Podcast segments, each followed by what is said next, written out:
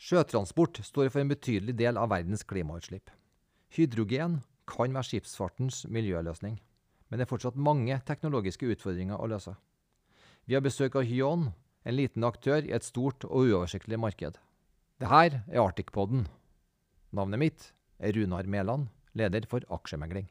Velkommen til Arctic-podden, aktuelt fra finansverdenen. Med meg her i studio i dag så har jeg leder for Hyon, Jørn Christian Lindtvedt. Hyon er jo et uh, lite uh, selskap foreløpig på Euronex Growth, uh, som jobber med en veldig interessant problemstilling innenfor, innenfor hydrogenproblematikken. Og så er jeg også med meg Harald von Hayden, Arctics eget fornybart orakel, som har vært i studio her mange ganger tidligere. Harald, jeg vil bare starte med deg. hydrogen som lagringsmedium for energi har jo vært nevnt av veldig mange i lang tid. Og Det er mulig at jeg ikke følger så godt med, men uh, jeg syns det er litt lite å se konkrete ting her nå. Uh, hvorfor går det så tregt, eller, eller skjer det mye mer som vi ikke vil får med oss her? Det skjer nok langt uh, mer enn vi får med oss. Det har nok blitt annonsert mange større prosjekter, både på produksjon, lagring og distribusjon, som det nå jobbes konkret med. Og for hydrogen Problemet eh, hydrogen er jo at det skal dannes en helt ny eh, verdikjede, eller kanskje til og med flere nye verdikjeder, og, og, en ny industri. Men det er jo ingen tvil om at eh, skal vi dekarbonisere eh, noen av de vanskelige sektorene, Eh, industri, eh, transport, luftfart og ikke minst maritim sektor, eh, så er konsensus helt klart at det er hydrogen som er grunnstoffet i de nye drivstoffene. Mm. Jørn, du som jobber med problemstillinga i daglig, hva, hva ser dere? Mm. Nei, Vi ser jo det i maritim sektor nå, at det virkelig begynner å skje ting på hydrogenfronten. Norge får jo den første hydrogenferja satt i drift i år utenfor Stavanger. Den går på flytende hydrogen og blir den første ferja som går på hydrogen i verden. Så der er vi først ute. Det er jo en kjempemilepæl globalt, og det er veldig gøy at det skjer i Norge. Samtidig så ser vi at uh, Torgaten vant en kontrakt på en ferjeforbindelse mellom Bodø og Moskenes ute i Lofoten. Uh, det er en 15-årskontrakt, og der skal de gå på trykksatt hydrogen som drivstoff. Ja, Forklar oss litt, for det er jo akkurat det midt i kjernen av det som ja, Det er vi selvfølgelig veldig glad for. Vi jobber med trykksatt hydrogen, og vi utvikler fyllestasjoner for trykksatt hydrogen til skip. Ja. Det er en av de manglende brikkene i verdikjeden i dag som må løses for at trykksatt hydrogen skal bli et godt fuel for, uh, skips, for skip. da, Kystnær seiling.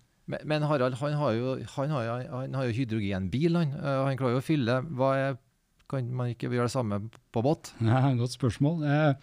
Her er det et skaleringsutfordring. Ny teknologi må skaleres opp for at den skal tilpasses skip. Jeg snakket med Harald før sending her, og tanken hans den var fem kilo. Ja. De båtene vi jobber med, har tanker på fem tonn. Ja. Så det er altså tusengangeren i størrelse på tank. og båter må ha en kortest mulig liggetid for, mens de fyller. Det betyr at vi må kunne overføre tre til fire tonn hydrogen, trykksatt hydrogengass, fra land om bord på båten i løpet av en time. Ja. Det, er det, vi, det, er det, vi, leverer, og det er veldig ulik dagens fylleteknologi for biler og lastebiler, som i beste fall leverer 150 kg på en time. Er det da selve slangen som er på en måte utfordringen her? altså, vi har jo tatt på oss en skaleringsutfordring på 30-gangeren ja. i flow-ratet. Det betyr at vi må retenke egentlig hele den tekniske løsningen, hvordan vi løser det. Ja. Så det handler om å skalere opp slanger, det handler om å skalere opp koblingene mellom uh, båt og farte, mellom båt og fyllestasjon. Helt andre type koblingspunkter. Og det handler om tilgjengelig trykk for å dytte hydrogenet fra land og om bord på tankene om bord i skipet. Ja. Vi bruker et såkalt kaskadeprinsipp, og da betyr det at vi må ha mye tilgjengelig trykk på landsiden for å dytte hydrogenet om bord på båten på en rask og effektiv måte. Og så handler det selvfølgelig om å ha full kontroll på prosessen, slik at temperaturen er som den skal, at man ikke får temperatur, temperatur eller trykkoppbygging eh, steder man ikke skal ha det. Slik at man har sensorikk, man har ventiler og du har kontrollsystemer som gjør at uh, dette her går raskt, sikkert og effektivt for seg. Hvor langt unna er man egentlig å ha en ferdig løsning? De løsningene vi jobber med, det er høykapasitetsløsninger. Det er løsninger som vil fungere i en kommersiell setting, hvor typisk båter kan bunkre to til tre, fire til fem tonn i løpet av under en time. Ja. Eh, de vil vi ha klare Vi vil ha den første prototypen klar i løpet av neste år, er planen, i Hellesylt. Den vil ikke ha fullt så høy kapasitet. Og så vil vi ha fullskalaversjoner operative i 2025. Ja, men fire-fem tonn altså, Jeg kommer fra Trondheim, har sett Fosenbåtene går over fjorden, litt ut i øyene og sånne ting. Er det den type hurtigbåter som vi har langs uh, kysten, eller er det, er det, er det, er kortere? Uh, det kommer an på seilingsmønsteret og størrelse på båt. Altså de, vi ser jo at batterier blir, eh, får ganske stort Eller det blir mye batterier i ferjer nå som går relativt korte ruter, og kystnær seiling, så kan du gå på batterier. Ja. Det er et segment som, som allerede er der, og som har utvikla seg, har moden teknologi. Men de har en begrensning. De båtene er fine til å kjøre Horten-Moss og, og litt lengre. Men for lengre seilinger utaskjærs så blir batteriet uhensiktsmessig stort og tungt. Ja. Du må ha med deg mer energi om bord, og da er hydrogen det som eh, er det beste alternativet, mener vi.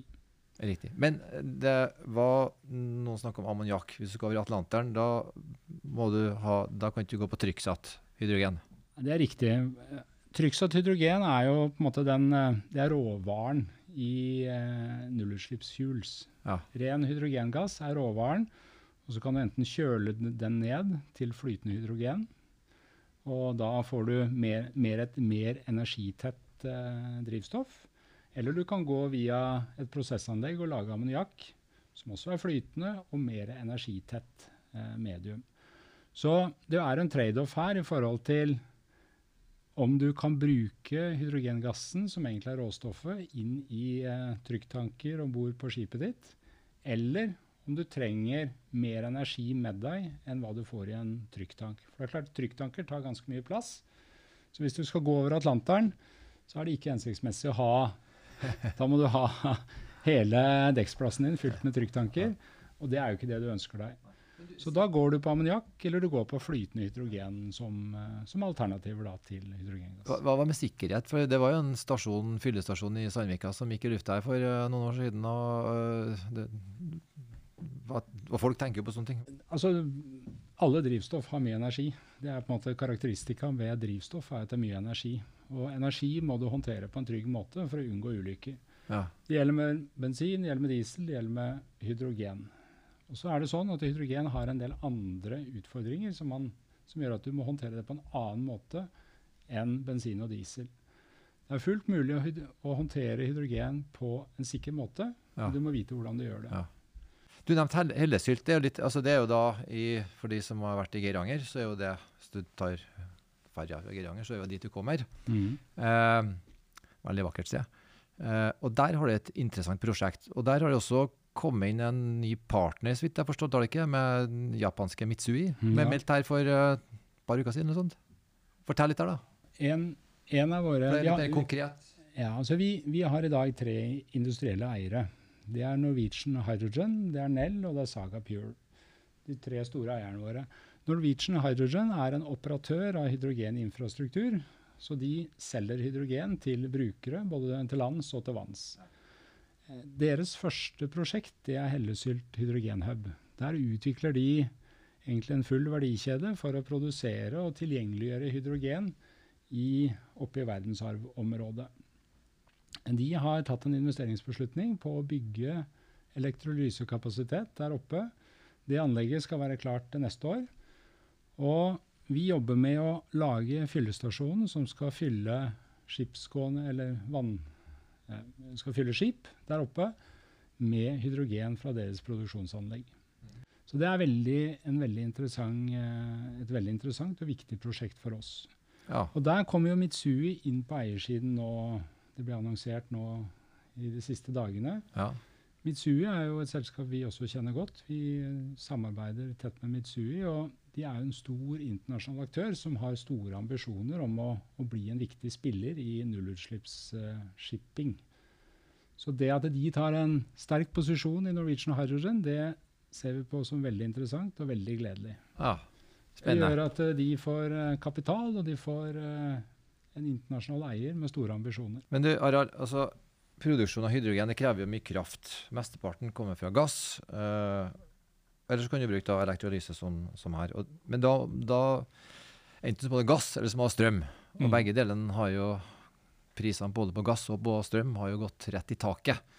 Skaper det, Er det bare en hump i, på veien, eller er det en, skaper en ordentlig utfordring for, eh, for hydrogenbransjen her? Ja, altså det er klart hvis du tar dagens gasspriser, dagens strømpriser, så skaper det kjempeutfordring. Ikke bare for hydrogenbransjen, egentlig, men for alle som bruker noe av dette her. Eh, så vi må jo egentlig tro at dette er en, eh, en relativt kortsiktig affære. Men selv om, selv om ikke de ekstreme prisene vi har nå ikke vedvarer, så er det klart at Eh, kritikerne av hydrogen nok, får nok litt vann på mølla. Eh, vi, nå er det jo nesten et år siden uh, Elon Musk sa at uh, 'using hydrogen as energy storage is, is the dumbest thing ever'. Uh, det er klart han snakker delvis sin egen bok, men det jeg nok henspiller til, er jo at det er en At du taper jo en viss del av energien i den såkalte roundtrippen, da. Fra du lager hydrogen, lagrer den, og bruker den igjen. Uh, men uh, til det finnes jo gode svar, og det Jørn, kan vi jo gi deg anledningen til å, å komme med nå. Ja, altså det, det, er jo ikke til å stikke under en stol at du taper en del energi i å gå fra strøm til hydrogen og tilbake til strøm igjen. Med mindre du greier å ta vare på den varmen som uh, produseres da, fra elektrolyse og brenselcelle. Altså, hvis du kan anvende varmen, så har du jo mye mindre tap i prosessen. Men det er jo bare sjelden man greier det. Så jeg tror man må se på energiprisene langsiktig. De vil egentlig bli bestemt av kostnadene på å bygge ut ny kapasitet for å produsere strøm. Den vil bli definert av prisen på å bygge en solpark som er dedikert til å produsere hydrogen, eller eventuelt en vindpark som gjør det. Ja. Og Vi ser jo priser i fornybar, altså kontrakter, auksjoner på å bygge solparker. Der settes jo de på priser på 20 øre per kWt, og faktisk under det i enkelte land på solparker. I vind så er det vel foreløpig noe høyere, men du ser at du er godt syd for ei krone på offshore vind, og, og landbasert vind enda lavere. Så strøm vil være tilgjengelig til lave priser long term når man bygger ut fornybar energikapasitet. Ja, og det skjer jo nå. Og det, og det, skjer, og det gjør at hydrogen faktisk blir et konkurransedyktig fuel med diesel. Vi ser nå i noen av de kontraktene vi er inne i, at sluttkunden som faktisk bygger både diesel, fremdriftsmaskineri i sine båter, og brenselceller for å ta hydrogen, slik at de kan switche fordi de har kontrakter som gjør at de kan gå delvis diesel, delvis hydrogen. Ah. Beskjeden fra de rederne er sørg for at den hydrogenen er tilgjengelig til enhver tid. For på disse prisene vi tegner kontrakt med dere, på en 10-årskontrakt, 15-årskontrakt, så er det et billigere alternativ enn diesel. Så vi ser allerede at det er konkurransedyktig. Hydrogen er konkurransedyktig, gitt at strømprisene er lave. Eh, og vi tror jo at eh, etter hvert som vi kommer nærmere 2030, mer fornybar energikapasitet bygges ut, ja. og komponentene på brenselcelle, elektrolysører, blir billigere, så vil det bildet bare forsterke seg i hydrogen sin favør. Mm. Men selve capexen på båten, hvor mye eh, er det fordyrende element? Eh, det? Dieselmotoren har jo vært om bord i båten i Nå skal ikke jeg begynne med voldsom historiefortelling, men uh, 100 år pluss. Brenselcella har en veldig veldig kort historikk om bord på en båt. Kun i en sånn uttestingsfase. Her må man gjennom en industrialisering hvor du skalerer opp løsningene for båt skalerer opp produksjon av brenselceller. Og når du kommer dit, så er i hvert fall min hypotese at du får billigere fremdriftsmaskineri om bord i den båten enn hva du har av diesel uh, Ja. i dag. Ja. Enk, det er en enklere løsning. Mindre bevegelige deler. Burde være enklere å produsere, men du har en teknologiskaleringskostnad som du må forbi før du er der. Hvis du ser det sånn fram mot 2030, altså er et eh, år som brukes hele tida, hvor, hvordan, hvor, ser hvor, eh, hvor er dere hen da? Tror du, hvor, hvordan ser dere her eh, eh, trykksatt hydrogen for eh, båt ut da? Du, hvis du ser på regjeringen, som var riktignok den forrige regjeringen som publiserte den hydrogenstrategien, men målsetningen der var jo å ha fem operative knutepunkter for hydrogen mot maritim sektor innen 2025. Eh, så da skulle det altså være tilgjengelig hydrogen i fem knutepunkter for Ja. maritim sektor. Innen 2030 så skulle hydrogen være et konkurransedyktig fuel med diesel. Og ut fra det vi ser nå, så tror jeg vi er godt i rute til å faktisk realisere det. Det skal selvfølgelig bygges masse infrastruktur for å tilgjengeliggjøre hydrogen langs kysten. Men teknologien, kostnaden på teknologien gjør at det er fullt mulig å gjøre hydrogen til et konkurransedyktig fuel innen 2030. Investorer er jo ofte litt utålmodige. Eh, sånn at eh, det du sier er altså, i 2020, altså knutepunktene skal være etablert i 2025, så det er mulig liksom å kunne få noen mellomtider her på veien mot, eh, mot eh, 2030. Ja, Knutepunktene blir jo det første som blir tilgjengelige.